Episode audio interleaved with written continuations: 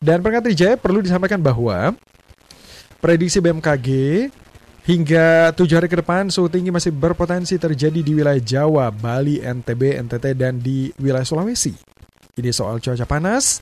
Kondisi suhu yang tinggi dan cuaca terasa sangat panas ini terjadi karena periode akhir musim kemarau. Oh, itu good news ya bang. Ini udah masuk periode akhir musim kemarau. Penyebab cuaca panas karena posisi semu matahari saat ini sedang berada di sekitar ekuator, sehingga pemanasan dari sinar matahari itu maksimal banget. Saat ini juga masa udara berada di atas Indonesia, khususnya di bagian selatan Indonesia, yang dari Pulau Jawa ini, Bali, dan eh, Nusa Tenggara, yaitu dari Australia, yang bersifat kering dan panas. Jadi masuknya udara dari sana. Masa udara yang kering dan panas menyebabkan sulitnya pertumbuhan awan, karena awan masih minim, langitnya jadi cerah, maka pemanasan dari sinar, sinar matahari itu langsung diterima bumi tanpa terhalang ada awan dan bikin suhu muka naik ya. Dan peringati jaya bulan September yang lalu matahari berada di sekitar wilayah Katulistiwa akan terus bergerak ke belahan bumi selatan hingga Desember. Sehingga pada bulan Oktober ini posisi semua matahari akan berada di sekitar Indonesia bagian selatan ya di kita di sini di Pulau Betul, Jawa, di Pulau Jawa, Bali, Nusa Tenggara bahkan di Sulawesi Selatan. Dan BMKG mencatat dalam 24 jam terakhir suhu tertinggi itu diamati di daerah Jatiwangi Cirebon bisa mencapai 38,8 derajat Bang Ike. Wow. Dan pada tanggal 24 Oktober lalu di wilayah Ciputat, uh, Tangsel itu mencapai 39,6 derajat. 39. Wih. Oke baiklah.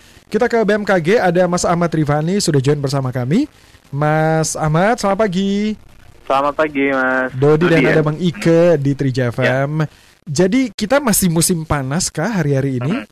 Mas Ahmad? Eh, ya, kalau untuk eh, suhu panas ini memang masih terjadi, eh, tapi kita sudah lebih cenderung ke periode peralihan, Mas. Kita akan Oh. mulai masuk ke musim penghujan nanti di awal November hingga ke pertengahan November. Oh ya, udah syukur lah ya. Awal Hmm, November tinggal empat hari lagi. tinggal empat hari lagi ini. Tapi di empat hari ini cuacanya itu masih panas banget ya. Untuk di hari ini kita masih perakirakan ada potensi hujan, intensitas ringan di Jakarta Selatan, Jakarta Timur, lalu Depok dan Bogor. Hmm. Kemudian besok ini mulai menurun lagi potensi hujannya. Jadi cenderung cerah hingga berawan Hmm. sampai nanti ke tanggal 1 hingga tanggal 2 itu baru Hmm. kita perakirakan ada lagi potensi hujannya, Mas. Jadi masih masih berfluktuasi ya kalau Hmm. kita bilang. Hmm. Ini berada di bagian selatan Katulistiwa aja atau di bagian utara juga salahnya sama? Kalau untuk di selatan Katulistiwa ini memang masih cenderung eh, berfluktuasi hujannya kadang hujan, kadang cerah. Tapi kalau untuk di utara Katulistiwa ini cenderung eh, sudah banyak hujan seperti di Sumatera, Hmm, kemudian hmm. Kalimantan, Sulawesi dan Papua itu sudah konsisten sudah me- cukup banyak hujannya dalam seminggu hingga dua minggu ke belakang. Oke oke. Dan benar-benar musim hujannya itu Hmm. kapan? Kalau musim hujan sendiri memang eh, masing-masing wilayah itu beda. Seperti Sumatera ini sudah mulai masuk, tapi Mhm. kalau untuk di Pulau Jawa sendiri ini bertahap dari eh, awal November hingga ke pertengahan November. Nanti mulai dari eh, bagian barat secara bertahap hingga ke timurnya Pulau Jawa. Oke oke. Apa eh, ciri-ciri apa tanda dari masa musim peralihan semacam ini, Mas Ahmad? Kalau untuk musim peralihan seperti ini itu kita tandai dengan eh, hujan sudah mulai ada, tapi sifatnya cenderung lokal. Hmm. eh, kejadiannya juga di sore hingga ke menjelang malam hari. Nah ini biasa akibat dari pemanasan di permukaan yang intens di Hmm. siang hari, kemudian ada kelembapan udara yang cukup di sore hari, kemudian akan tumbuh awan dan eh, menyebabkan hujan.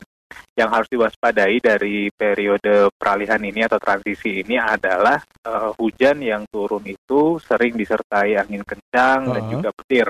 Hmm. Walaupun sifatnya cenderung lokal, tapi ini angin kencangnya cukup berbahaya, mas.